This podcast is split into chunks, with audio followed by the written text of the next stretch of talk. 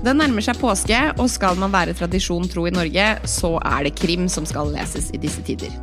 Men da kronprinsesse Ingrid, Alexandra fylte 18 år og fikk bokgave fra norsk bokbransje, så inneholdt den gigantiske bokbakken ingen krimbøker.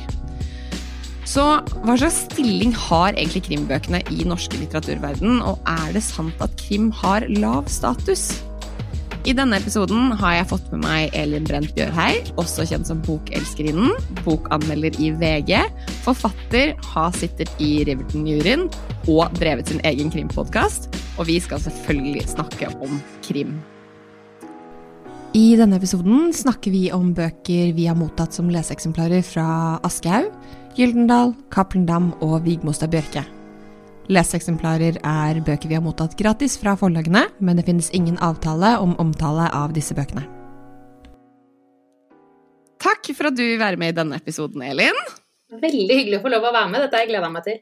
Det er godt å høre. Du er jo glad i krimlitteraturen, men liksom, hvor glad er du i krim? Jeg elsker krim. Altså, hvis jeg, hvis jeg skulle lest én sjanger hele livet, så hadde det vært krim. Leser du mye annet enn krim, da, eller er det mest krim det går i hele tiden? Nei, jeg leser mye annet også. Jeg, det er både fordi jeg tror det er lurt å få impulser fra andre sjangere, eh, men også som forfatter eh, så får jeg impulser av å lese mye ulik type krim. Eh, for du kan lære mye av alle sjangere. Mm, ikke sant. Men hvordan type leser er du, da? Er du er du en som liker at det er liksom mye spennende handling, eller er språket viktig, og skal det gå fort eller sakte eller psykologisk? jeg tror faktisk jeg er en ganske mangefasert leser, hvis jeg kan si det sånn. For jeg har ikke noe sånn 'det må være sånn' eller 'det må være sånn'. Mye altså En del av det handler litt om hva slags dagsform jeg er i. Noen mm. ganger så har jeg bare lyst til å lese en kjapp thriller, eh, hvor jeg slipper å tenke og bare kan la meg rive med. Andre ganger så er det sånn at nå har jeg lyst til å lese noe som er veldig godt skrevet. Uh, og noen ganger har jeg lyst til å lese noe som får meg til å tenke, så jeg er altetende, vil jeg si. Ja. Altså, jeg har funnet ut at blant krimelskere så er det egentlig ganske sånn avgjørende spørsmål på å dømme deg for hva slags type leser du er, og det er liker du Jo Nesbø, eller liker du ikke Jo Nesbø? Jeg liker Jo Nesbø. Jeg syns han er blant annet veldig, veldig god uh, plotter, er veldig god til å skape Altså det der med Oslo som en karakter i handlingen og altså Jeg storkoser meg med Nesbø. Ja, det er godt. Jeg tror, jeg tror på en måte jeg er i mindretall der, som ikke er så fan av akkurat hans litteratur. Men jeg skjønner jo hvorfor folk liker han, og jeg skjønner jo hvorfor folk liker bøkene. Men det var noe med å skrive liksom særoppgave om han som jeg tror bare ødela det forholdet til litteraturen hans for meg litteratur man leser på skolen, kan det hende man eh, får et dårlig forhold til hvis man blir pressa til å gjøre det. Det er nettopp det! Men hva har du lest i det siste, da? Er det noen spennende krimbøker som eh, har blitt eh, fortært? Akkurat nå i det siste så holder jeg, holder jeg, på å lese meg gjennom serien til Åsa Larsson. Hun har akkurat kommet med en ny bok som heter 'Fedrenes misgjerninger'. Mm. Uh, og, og, jeg liker veldig godt uh, den krimmen som er satt på små steder og med eh, Altså små, små, steder med de utfordringene det kan medføre, og spennende karakterer. Og jeg liker foreløpig det veldig godt. Syns, ja. jeg det er kjempespennende. Så du driver og leser gjennom hele forfatterskapet nå? Hvor mange bøker er det hun har kommet med, cirka? Er det en fem-seks? Det ligger nok der. Nå har jeg ikke bøkene rett foran meg, så jeg klarer ikke ta det sånn på på stående fot, men jeg lurer på om det er fem bøker. Men ja. ta det som en fasit. men jeg syns det er gøy, da, å kunne starte på start fra et forfatterskap og lese meg gjennom. For da ser du også hvordan forfatteren utvikler seg. Ikke sant? Så... Jeg har faktisk nylig blitt kjent med en eh, debutant, eh, altså en helt ny, eh, ny, forfatter på det norske markedet. Eh, og jeg, jeg, har lyst til å påstå at jeg tror dette er en forfatter vi kommer til å se mer til. Det er ikke krim, men jeg har lest eh, Hva jeg gjorde med pengene av Maren Skolem, som er en Altså, jeg, jeg, vil jo kategorisere det som en ungdomsbok, men samtidig så er den mer sånn ung voksen enn ungdomsbok, på en måte. Eh, og altså, til dere som kjenner meg, og på en måte vet hva jeg liker, dette var alt jeg elsket og vil ha. Altså, Maren Skolem har skrevet en bok om søskenkjærlighet, om de vonde tingene i livet, om voldtekt, om det å på en måte Om angst og alt det vonde rundt måte, å oppleve noe så forferdelig og grusomt, um, men likevel på en måte samfunnets normer og reaksjoner til venner og familie og den derre skylden vi jenter påtar oss for at vi kanskje har gjort noe feil, eh, samtidig som du bare har et sånn desperat ønske om å gjøre noe. Og altså jeg, jeg, er ganske sikker på at det her kommer til å være en av de beste bøkene jeg har lest i hele 2022. Kanskje den faktisk er inne på topplista sånn av all time favorites. Eh, jeg har jo snakket så mye om 'dette er ikke oss' i mange år. Jeg har liksom litt følelsen at uh, hva jeg gjorde med pengene, kan overta litt den 'dette er ikke oss'-viben for meg. For det var bare en bok som gjorde så insane mye inntrykk. Uh, og jeg bare jeg har bare så lyst til at alle som følger meg, og som leser bøkene eh, basert på mine anbefalinger, og på en måte ah, liker litt den ungdommelige litteraturen, må sjekke ut den boka der. Den var helt, helt Helt fantastisk. Har du, har du vært borti den? Har du hørt om den? Ja, det er litt gøy at du nevner den, fordi jeg forhåndsbestilte den. For jeg har eh, jobbet i bokhandel sammen med Maren, ja. Eh, og kjenner litt til at hun er veldig god til å skrive. Så når jeg mhm. så at hun kom med bok, så måtte jeg jo inn og forhåndsbestille den. Så den ligger også klar. Så den gleder jeg meg veldig til å lese. Ja, den var helt fantastisk, og jeg bare Jeg, jeg håper at jeg liksom skal få muligheten til å snakke masse om den boka, fordi den den, bare, den var så sterk, og den, var så, den røska så tak i så mange av følelsene mine. Og eh, bare for å på en måte diskutere det ferdig, da. Eh, hun avslutter på en måte historien på en så fantastisk måte. Jeg kan jo ikke spoile hva hun gjør, men det bare er så reelt, så menneskelig, så ekte. Og det gjorde ja, Altså, jeg leste hele boka et sluk på flyet fra Longyearbyen til Oslo, og det var på et tidspunkt så satt jeg og liksom tårene bare rant, og han som satt ved siden av meg, bare så på meg og tenkte liksom hva er galt med det mennesket der? Eh, men jeg sitter der med Kindlen min, og jeg prøver å filme meg selv fordi jeg har lyst til å både få vist fram reaksjonen denne boken hentet ut til meg. Ja, og jeg, ja, jeg var sikkert det rareste mennesket på flyet den dagen, men det kan jeg stå i, for det var Å, fy fader, ass, den, den var verdt det. Så er det jo faktisk en interessant bok å nevne i dag i forhold til i hvert fall det jeg har hørt om den, så handler vel den også om en forbrytelse, og hvordan det påvirker de pårørende. Hei, det er veldig sant! Uh, ja, ikke sant! Herlighet! Fordi uh, seksuelle overgrep er jo selvfølgelig en forbrytelse, og på mange måter så har den jo da litt likhetstrekk til krimmen. Hmm. Da kan du jo tenke litt typ psykologisk thriller, da. Ikke sant? Altså, dette var jo, det er jo faktisk et element av litteraturen jeg ikke har tenkt på på den måten. At det er jo noen likhetstrekk her mellom på en måte de forskjellige sjangerne, uten at det nødvendigvis er at de plasseres i samme sjanger, da. Men det er det, det, som, det, som, er litt interessant, for man tenker at krim er liksom inni en boks, det er krim. Mm. Og enten leser man krim, eller så leser man ikke krim. Eh, jeg holder på nå å, å studere Eh, litteratur. Eh, jeg går bl.a. på fagskolen. Eh, og så har jeg akkurat lest Kong Ødipus, som er en gresk tragedie. Mm. En gresk tragedie, tragedie som heter Soflokus. Jeg vet ikke om jeg sa det riktig, men uh, i hvert fall Apropos litteratur man leste på barneskolen og ungdomsskolen eh, Ikke barneskolen, ungdomsskolen som eh, ja. Sånn, ja. Men i hvert fall når jeg satt og leste den, så slo det meg at dette her er jo faktisk en psykologisk thriller. Ehm, for han uh, har bl.a. et grep som er veldig vanlig i psykologiske thrillere i dag, hvor det handler om hvordan hendelser fra fortiden kommer tilbake og hjemsøker menneskene i nåtiden. Ja. Og det er veldig mye sånne grep. Når jeg satt og leste den, så jeg tenkte jeg men dette er jo et grep fra en psykologisk thriller. Dette er en grep fra en psykologisk thriller, ikke sant. Og sammen med hvis du går til Shakespeare, altså Hamlet, det er jo en hevntriller. Der har det jo også skjedd en forbrytelse. Men, men, men hva kom først? Altså, da kom jo egentlig liksom den klassiske litteraturen kom først, og så har krimlitteraturen, eller det vi kaller krim i dag, da, har jobbet seg ut fra den klassiske, gamle litteraturen til Shakespeare og alle de andre? Altså, altså Krimsjangeren i, i, dag henter sine røtter fra 1800-tallet med, med detektivromanen. Det var der det starta. Mm internasjonalt så regner man med at den første krimromanen eh, det var en bok som het 'Mordene i Mru Morgue', som var skrevet av Edgar Allan Poe. Den kom i 1841. Oh, ja. men det som er litt kult, er jo faktisk at den aller første krimromanen er faktisk norsk. Nei. Jo, for den kom i desember i 1839 eh, med en forfatter som het Maurits Hansen. Og han skrev en bok som het 'Mordet på maskinbygger Rolfsen'. Ok.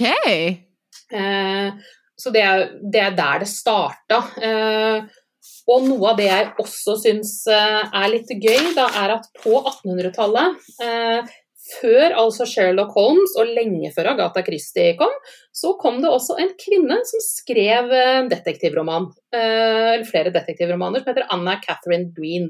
Okay. Om en bok som heter Leverton Case, som kom i 1878. Og jeg, jeg syns det er litt kult at hun var før, før Sherlock Holmes. Det er faktisk dødskult! Eh, ikke noe jeg hadde kunnskap til i det hele tatt, men eh, definitivt fun fact som jeg setter pris på å ta med meg videre. Ja, for det var også, også utviklet jo sjangeren seg, eh, sjangeren seg, underveis til det den har blitt i dag. Altså, mye av den sosialrealistiske krimmen som, som Skandinavia er så kjent for, da, det starta jo på, på slutten av 60-tallet, 70-tallet med bl.a. svenske Sjøhval og Vale, som ga ut mm. sitt krim i 65. Oi. Altså, dette er jo, eh, det er jo gøy å få litt historie på krimmen, og på måte kanskje se litt på hva krim egentlig er. Men det vi, har, det vi liksom skal snakke i hovedsak om i dag, er jo da litt drama fra tidligere i år, starten av 2022, eh, hvor Ingrid Alexandra blir 18 år, altså kronprinsesse Ingrid Alexandra blir 18 år.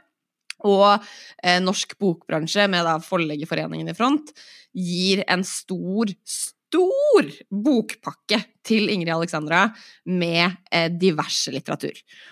Og de har jo da sagt at måte, mye av denne litteraturen skulle da være, skal være basert på det siste ti års prisvinnere, og det skal liksom være eh, mestselgende litteratur, eller jeg husker ikke akkurat hvordan de argumenterte det.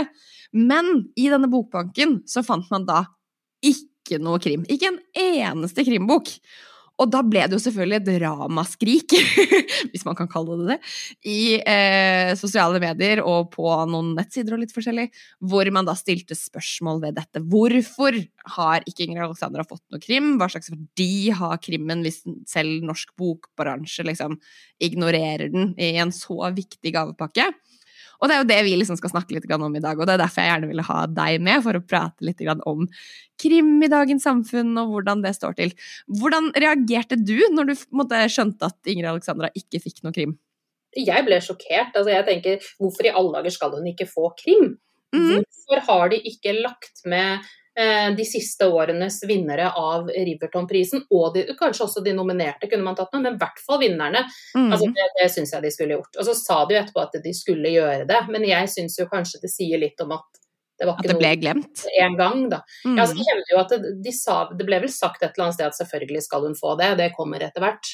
Ja, ja, men det var jo akkurat det de sa, men det, men det ble jo sagt etter etter at på en måte man hadde hatt overskrift om at hun ikke får krim. Og, og det står fortsatt ikke noe krim på, på de offisielle listene over hva hun mottok. Så det er jo det er jo liksom rart. Og jeg syns det som er enda rarere, er jo nettopp det at de argumenterer det i at eh, Eller de nevnte da på en måte at det var prisvinnere det skulle settes fokus på, men så har de da totalt ignorert eh, Riverton-prisen, Riverton-prisen, eh, som er hva skal man si, største norske eh, krimprisen som har blitt delt ut i mange år.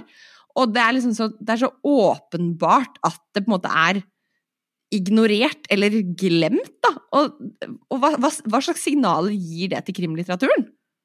Jeg syns ikke det gir noen, uh, gir noen, gode signaler. Og jeg, jeg tenker at uh, altså, uh, altså Kronprinsessen som også skal være en representant for Norge. Hvis man da ser på krimlitteraturen, som er norske krimlitteraturen, som også er et så viktig eksportprodukt, da, mm. så tenker jeg at det er eh, viktig at hun kjenner til sjangeren, da. Mm.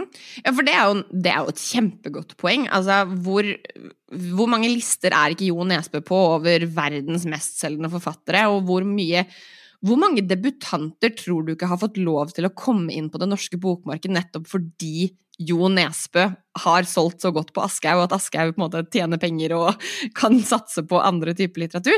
Det er så rart at krim sidestilles på den måten, og da lurer jeg jo på er det, er det, er det sant? Altså, har krim en lav status?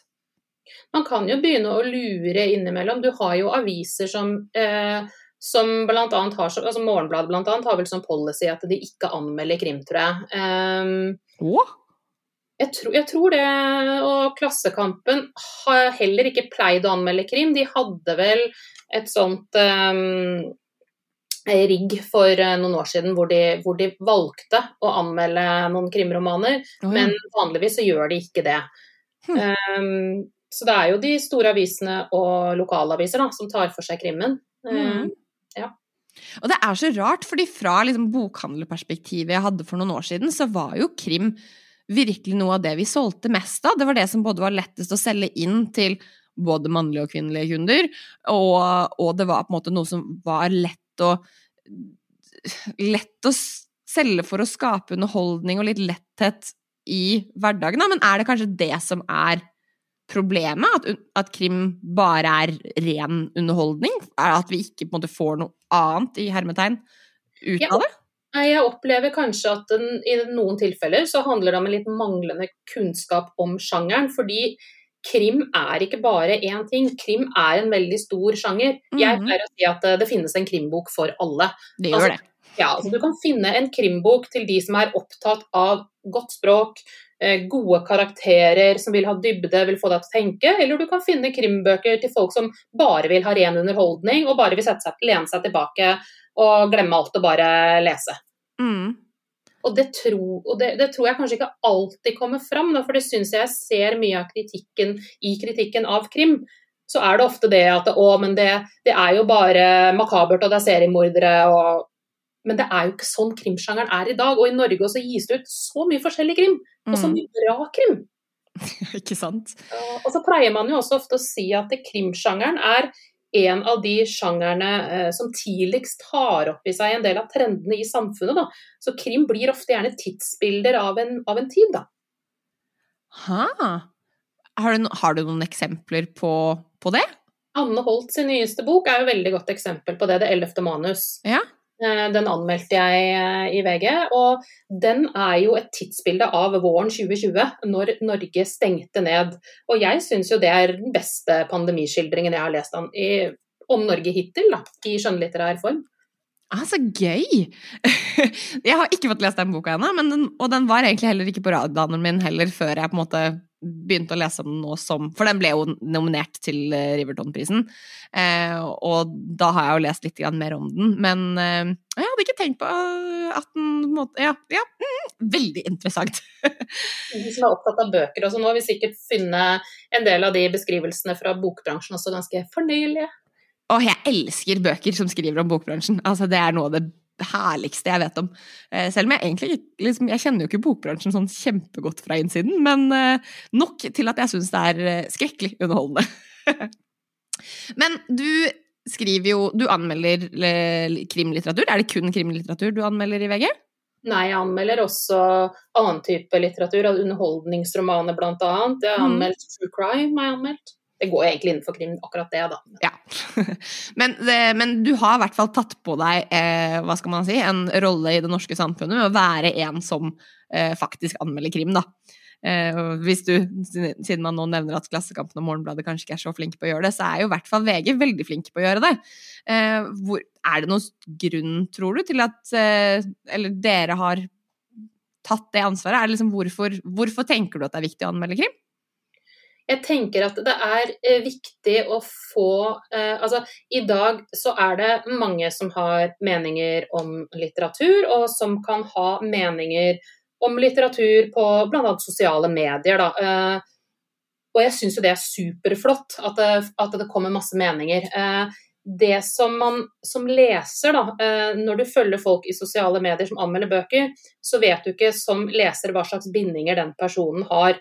Mens i en avis som sier VG, da, eh, så er det en redaksjonell vurdering bak eh, bøkene som blir anmeldt. Og da vet man i hvert fall at de som kommer med de meningene, kjenner ikke forfatteren, har ikke noe sånne redaksjonelle Eller har ikke sånne bindinger, da. Mm. Og det, det syns jeg er uh, viktig, og i tillegg så er VG en avis som når veldig mange mennesker. Så nettopp uh, derfor syns jeg også det er superviktig at de anmelder krim.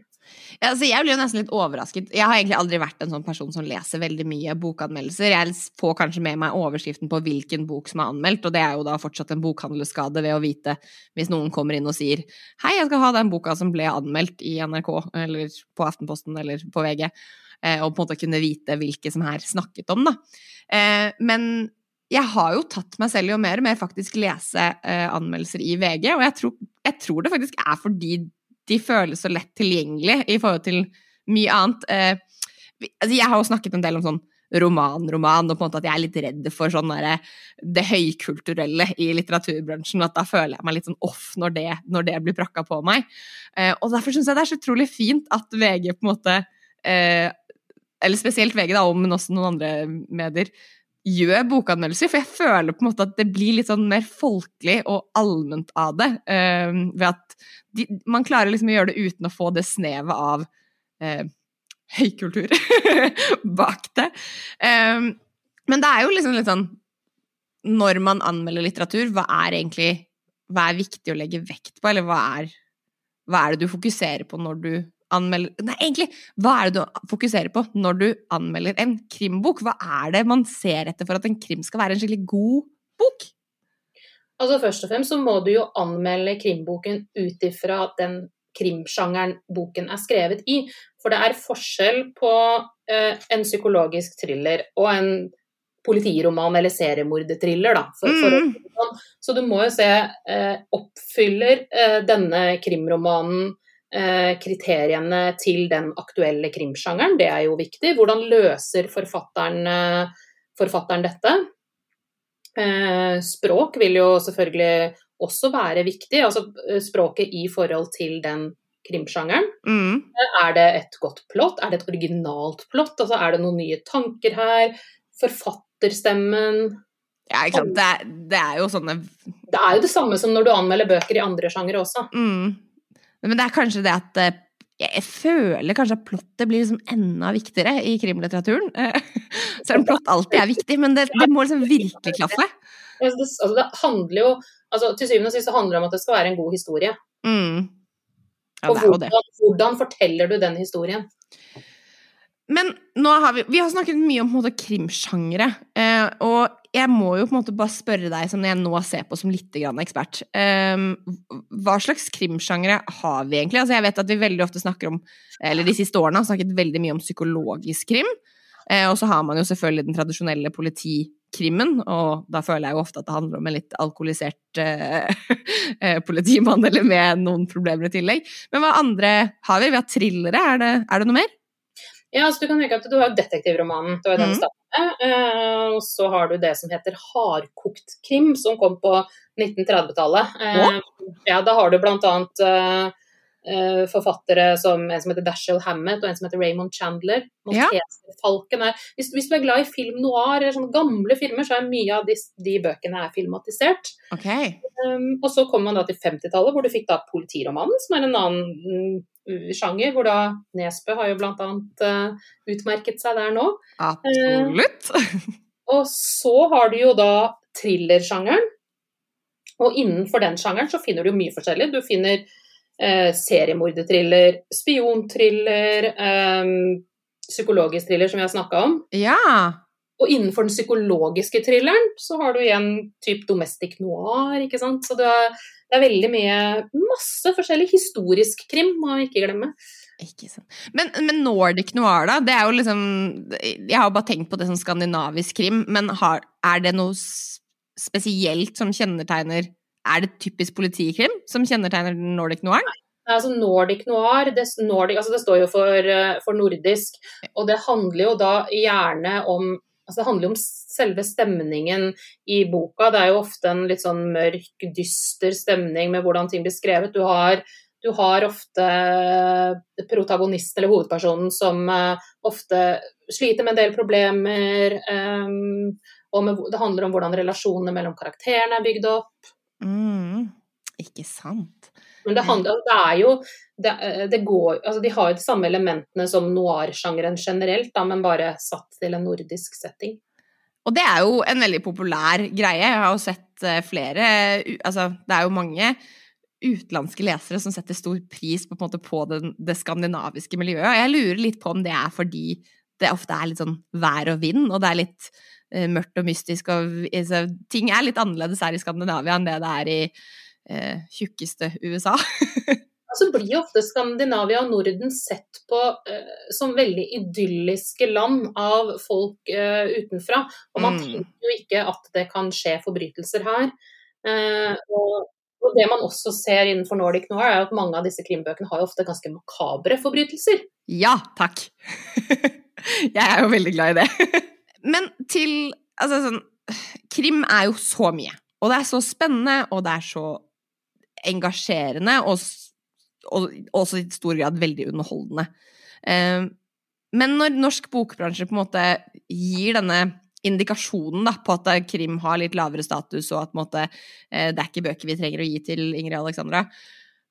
Hva kan vi på en måte gjøre for å Hva tror du vi må gjøre i norsk bransje for å kanskje heve statusen til krim litt mer? Er det på en måte å Altså, jeg føler at vi gjør så mange riktige ting, men er det noe mer vi kan gjøre enn å på en måte ha Jo Nesbø i front? Er det liksom Hva skal til for å løfte statusen til norsk krimlitteratur?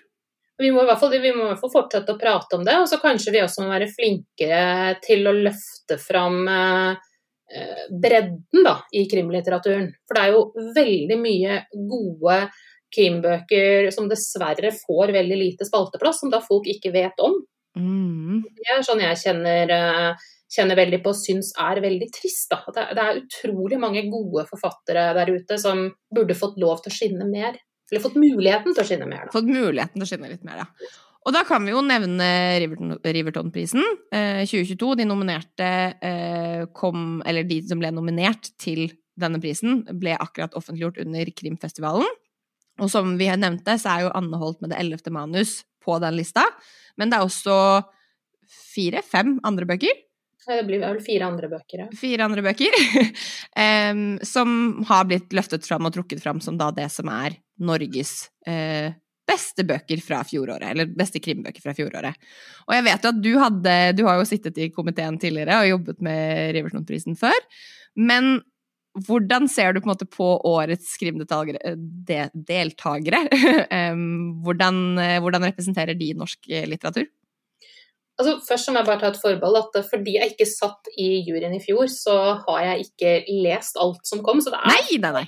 det er flere av titlene på lista jeg ikke har lest, så de kan jeg ikke uttale meg, uttale meg om. Um, vi kan jo egentlig begynne med å nevne hvilke det er, da. Det er sånn at man har tittelen på alle, alle, de nominerte. Uh, og det er jo da uh, Oi, hvordan sier man det? St. Av Avenger? Avenger? Avenger. Ja, av Heine Bakkeli. og så er det Kalifatet av Terje Bjørkanger. Ulven av Samuel Bjørk og Ringemannen av Jan Erik Fjell, i tillegg til da det ellevte manus av Anne Holt. Hva, hva, tenker du om de bøkene? Eller hvem av de har, har du lest alle? Nei, du har...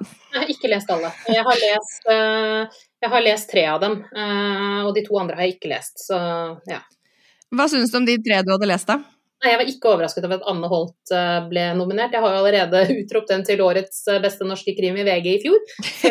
Jeg, jeg syns var, den var det, og i tillegg så er det en av de beste hun har skrevet i sitt forfatterskap. Det er rett og slett en skikkelig god krim. Såpass, ja. Jeg vet jo at du i forkant av de nominerte prøvde å gjette litt på hvem som kom til å bli nominert.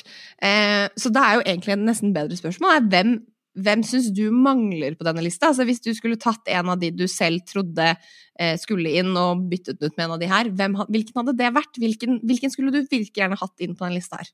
Jeg skulle veldig gjerne hatt Helle Stensbakk med rød løper inn på den lista. Det syns jeg også var en av de beste norske krimmene som ble skrevet i fjor. Og jeg syns hun skiller seg ut eh, fordi hennes krimbøker så får du også bilder. Altså hun har svart-hvitt-bilder i, i, boka som illustrerer handlingen og stemningen i boka. Det syns jeg er veldig kult. Jeg syns hun skriver veldig godt. Hun, er, hun, har godt plott og i det hele tatt altså, Siste boka hennes var helt glimrende. Å, så gøy. Eh, det er vel ikke helt vanlig? Det med, nei, det med bilder er ikke vanlig. Absolutt ikke. Så jeg, jeg syns hun gjør noe originalt og spennende. Og, så jeg syns jeg hadde nok Skulle ønske hun kunne vært på lista, da. Men du hadde fortsatt håpet at Anne Hodd vinner, så sånn sett så har du på en måte Det er feil å si at jeg håper Altså, jeg syns jo at hun skrev en god krimroman, men jeg vet jo ikke hvordan juryen har vektet disse tingene. Men skulle, altså, hvis jeg bare skulle tatt ut fra mitt eget hode, så ville jeg tenkt at Anne Holt hadde vunnet. Ja. Jeg tror ikke du er alene om å, om å tro det, basert på litt hva jeg har lest av andre anmeldelser og andre meninger, så er det vel mange som har Anne Holt som favoritt som, uh, til årets pris, da. Uh, og jeg kjenner at uh, Altså, jeg er jo egentlig utrolig glad i krim. Jeg bare klarer ikke alltid prioritere å få lest det så mye, men den vekker jo definitivt interessen min. Og når den på en måte får så mye oppmerksomhet, og når du snakker så varmt om den, så blir jeg jo ekstra gira på at det kanskje blir en bok jeg må lese til påske. En annen bok som kan nevnes òg, som også er uh, kommet i pocket, som, var, som jeg også tenkte kunne være en mulig listekandidat listekandidat, er jo uh, en som heter Grete Bø, som debuterte med Mayday i fjor. Ja, den fikk jeg med meg. Ja, og hun syns jeg også gjør noe Altså skiller seg litt ut fra, fra liksom det du tenker vanligvis når du har kvinner som skriver krim i Norge. Da. For den, den, er jo litt mer maskulin. Hun har en veldig sterk kvinnelig hoved, hovedperson. Uh, og det er jo da en, uh, en thriller fra nordområdene i Norge, hvor du har da hovedpersonen hennes som er pilot. Ja. og så handler det jo mye om, om denne her trusselen fra Russland, da. Det er jo aktuelt. Det er veldig aktuelt. Hun var jo veldig tidlig ute med å prate, prate om det. Eh, og da kan jeg også nevne en annen forfatter som heter Ørjan N. Karlsson. Eh, og han skriver en bokserie som startet med 'Blå storm', hvor det også nettopp handler om denne trusselen fra Russland. Og de bøkene hans er jo også kjempeaktuelle. Så kult! Altså man, man, må jo snakke litt om krim til påske, det kommer man jo ikke unna. For det er jo eh, ut fra hva jeg har skjønt, så er det ganske, ganske spesiell norsk greie. Jeg har levd veldig store deler av livet med å trodd at alle leser krim til påske. Eh, men det er tydeligvis noe vi størst gjør i Norge. Ehm, og at resten av verden kanskje ser litt rart på oss som gjør det. Men det er jo noe med stemningen, og det er jo utrolig kult at vi at krim definerer det så mye. Og det er så gøy å få noen sånne gode krimtips. Ja, så Det jeg syns er eh, er litt gøy. Island har faktisk en tradisjon på at man eh, på, eh, det er vel på julaften så gir man hverandre en bok. Okay. Jeg tror ikke det er spesifisert i krimromaner, men man gir hverandre hver en bok, og så skal man lese den etterpå. Da. Altså, de har en sånn greie rundt akkurat det, men det er jo riktig som du sier, at dette med påskekrim er et veldig særnorsk fenomen. Ja, jeg husker at jeg leste en del om det eh, til den krimepisoden vi hadde i fjor. um, om måte, hvor det kom fra og hvor det dukket opp. Og jeg mener at det var et sånn mysterium med en Aftenposten-artikkel som eh, skulle lure noen til å lese bok Jeg husker ikke helt. Husker du historien? Ja, så Påskekrim i Norge eh, går jo tilbake til 1923, hvor du hadde to personer. Du hadde Nordahl Grieg og Nils Lie. Nils Lie han var en veldig fattig student eh, og tenkte han måtte, han måtte, måtte finne en eller annen måte å tjene penger på. Eh, og så møttes han og Nordahl Grieg, eh, for de var venner, og bestemte seg for at ok, vi skal skrive en kriminalroman. Og de skrev da hvert sitt kapittel. Oh, okay. Og Nordahl Grieg han hadde en bror som jobba i Gyldendal. Så de tok jo da kontakt med Gyldendal, eh, som bestemte seg da for å gi ut krimboka som het 'Bergenstoget plyndret i natt'. Ja, stemmer det! Ja, og Den ble da gitt ut under pseudonymet Jonathan Jerv. Mm. Og så klekka de ut da en måte for hvordan de skulle annonsere denne boka. Eh, så da lørdagen før Palmesøndag så ble det da slått opp på forsiden av Aftenposten som om det var liksom en sak. 'Bergenstoget plyndret i natt', tror jeg det var det sto. Eh, og folk, jo, folk, som leste dette, her, trodde jo at dette hadde skjedd. Ja, ja. Og mange hadde jo familie som var på Bergenstoget og ble kjemperedde for hva som hadde skjedd med dem. Og Det førte da til at det ble kjempeoppmerksomhet rundt denne krimmen, og den ble en hyllevelter. Og Det er jo på en måte der man sier at eh, uttrykket påskekrim stammer fra. da. Ah, så, jeg syns det er så herlig. å tenke om man kunne klart å få til noe av det samme i dag, med liksom at vi faktisk tror på en Aftenposten-artikkel som sier at Bergensbanen har uh, blitt plyndra eller et eller annet sånt. Ah, det hadde vært artig. Men jeg tror, ikke, jeg tror ikke vi får mediene med på fake news på den måten lenger, dessverre. Du har jo allerede kommet med noen gode krimtips til påske, men har du noen uh, hemmelige perler som definitivt bør leses i påsketider? Jeg kan i hvert fall ta altså, en, en, veldig en aktuell bok som kom Jeg kan starte med det, som kom denne våren. Og den heter 'Brennende jenter' av CJ Tudor. Ja. Um, og den handler da om en pastor um, som er da alene med en 14 år gammel uh, datter. De kommer til en liten landsby uh, uh, hvor pastoren skal begynne å jobbe. Og der har det vært et mysterium. hvor det var For 30 år siden så var det to tenåringsjenter som forsvant. Aner ikke hva som har skjedd med dem. Og det er også et sted hvor flere ble brent som martyrer 500 år tidligere. Mm. Eh, og så begynner jo da datteren til denne pastoren hun begynner å se merkelige ting i dette kapellet. Og det er en litt sånn overnaturlig vibe her.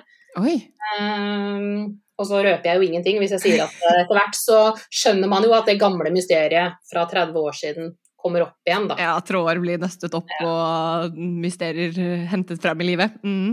Og jeg syns også CJ Tudor, hun, hun debuterte med 'Krittmannen', og jeg syns alle hennes bøker er veldig gode eh, psykologiske thrillere. Eh, og særlig da det er litt spennende å ha litt den der overnaturlige viben. Når man kanskje sitter på, på hytta i påsken og med mørket utenfor vinduene. Og... Jeg må kanskje ærlig innrømme at jeg ikke vil ha så mye overnaturlig vibe. Eh, for, for jeg, altså, jeg, har vokst opp i påsken på en sånn hytte uten strøm in the middle of nowhere, eh, hvor jeg konstant har vært redd for øksmordere, selv om jeg ikke helt skjønner hvorfor de øksmorderne skal være midt ute i skauen der.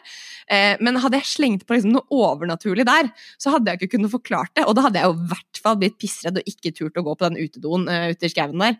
Men da vil jeg liksom heller være redd for øksemordere og uh, ja, makabre, forferdelige mennesker som, som jeg kanskje kan klare å på en måte du er ikke der? Ok, da går det bra. Da kan jeg gå på do. jeg skjønner den greia der. Jeg elsker jo å skremme meg selv. Så jeg syns jo det er supergøy, eller ikke super, jeg syns det er gøy der og da når jeg sitter på en hytte og leser. Jeg leste bl.a. Jørgen Brekk, en bok av Jørgen Brekke for noen år tilbake mm. Eh, som jeg syntes var veldig skummel, og da var jeg jo på hytta alene. Og da sleit jeg med å sove etterpå. Ja, det skjønner jeg godt. Altså, noen ganger så kan man jo skremme seg selv halvt i hjel. Eh, det er jo veldig morsomt at uh, du kommer med så mange påsketips nå. Og i forrige episode av Boksnakk så hadde vi også besøk av um, bokhandler Lene, som også er veldig glad i litteraturen og hadde en del gode boktips. Så jeg føler på en måte at de som hører på Boksnakk i håp om å finne noen bøker å lese i påske, definitivt skal finne noe de kan lese. Um, selv så har jeg jo kanskje ikke så mange krimbøker på Eh, planen. Selv om jeg hele tiden finner bøker jeg har lyst til å lese, så er det på en måte ikke, de kommer seg ikke høyt nok opp i prioriteringslista. Men det har dykket opp eh, to bøker som jeg har skikkelig lyst til å få tak i og lese. Og det morsomme her er at begge disse to bøkene har jeg nå fått med meg fordi jeg leste anmeldelsen av dem. Jeg hadde ikke ikke fått dem med meg ved å dypdykke i kataloger og sånne type ting. Der hadde jeg ikke fått dem med meg. Eh, og den første der er jo da Feminin gange av eh, Molly Oxford, som tidligere het eh, Henrik og ga ut boken En sånn rød amerikansk scooter. Som jeg ikke elsket, men hatet ikke heller.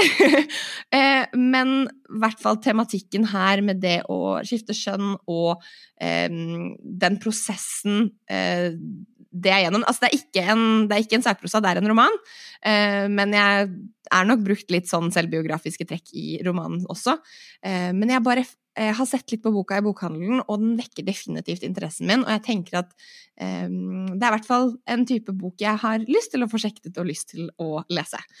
Men hva med deg, eh, hva, hvis du skal på en måte se litt framover og eh, hva ligger på nattbordet ditt for tiden, og hva er det du gleder deg til å lese for tiden? Eh, jeg gleder meg veldig altså Jeg har ikke lest en krimbok som får veldig mye oppmerksomhet for tiden, 'En nasjon i sjakk'. Nei, samme. Jeg har ikke lest den heller, men den vekker jo interessen, da. Ja, jeg er veldig spent på den, for det har jo vært mye omtale om den, så den skal jeg definitivt uh, få lest. Eh, ellers så er det en bok som er litt kortere enn en vanlige bøker. er skrevet av en forfatter som heter Amy Engel, som heter 'Hjem til mørket'. Som er en psykologisk thriller som flere av eh, de utenlandske leserne mine på, på kontoen min på Instagram har anbefalt meg å lese. da. Og sier at det er veldig bra, litt sånn i sånn Gillian Flynn-stil. da. Så Den er jeg kjempespent på. Ja, for det har jeg ikke spurt deg om. Er du en sånn som måtte like best eh, norsk krim, eller eh, setter du på en måte like stor pris på den oversatte krimmen? Begge deler. altså Blant favorittbøkene mine så finner du både André Bjerke med 'De dødes tjern', og du finner Glenn Flynn med, med 'Mørke rom'. Så du har liksom hele bredden der. Ja, ja. Og jeg har jo Altså, når jeg begynte å å lese Altså når jeg avanserte fra Nancy Drew til uh, Ja, for vi begynte der. Vi begynte med Nancy Drew.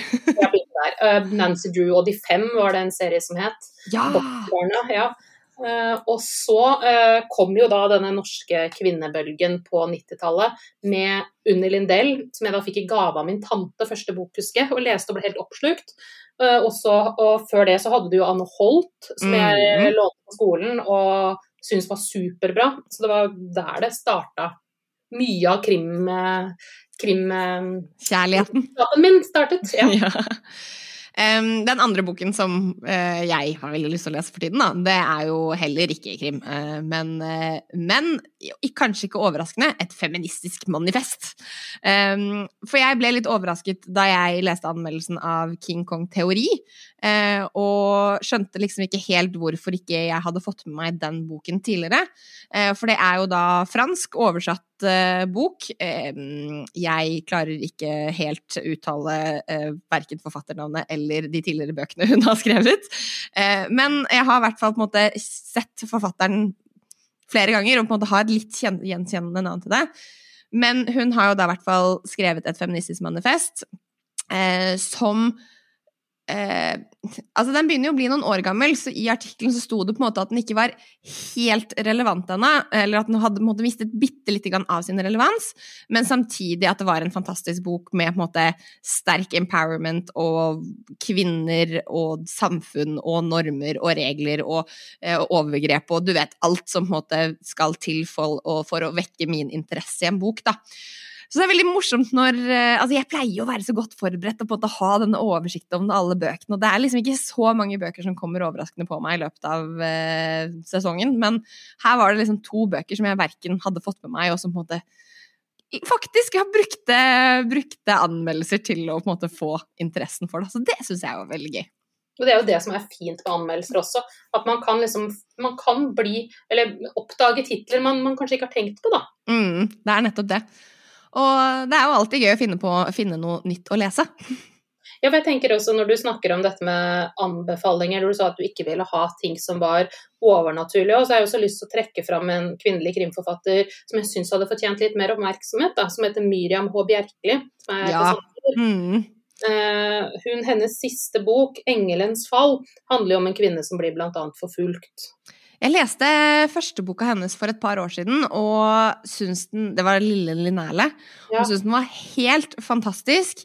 Eh, helt i på en måte siste side, hvor den plot-twisten som på en måte kommer på slutten der, har irritert meg i så mange år.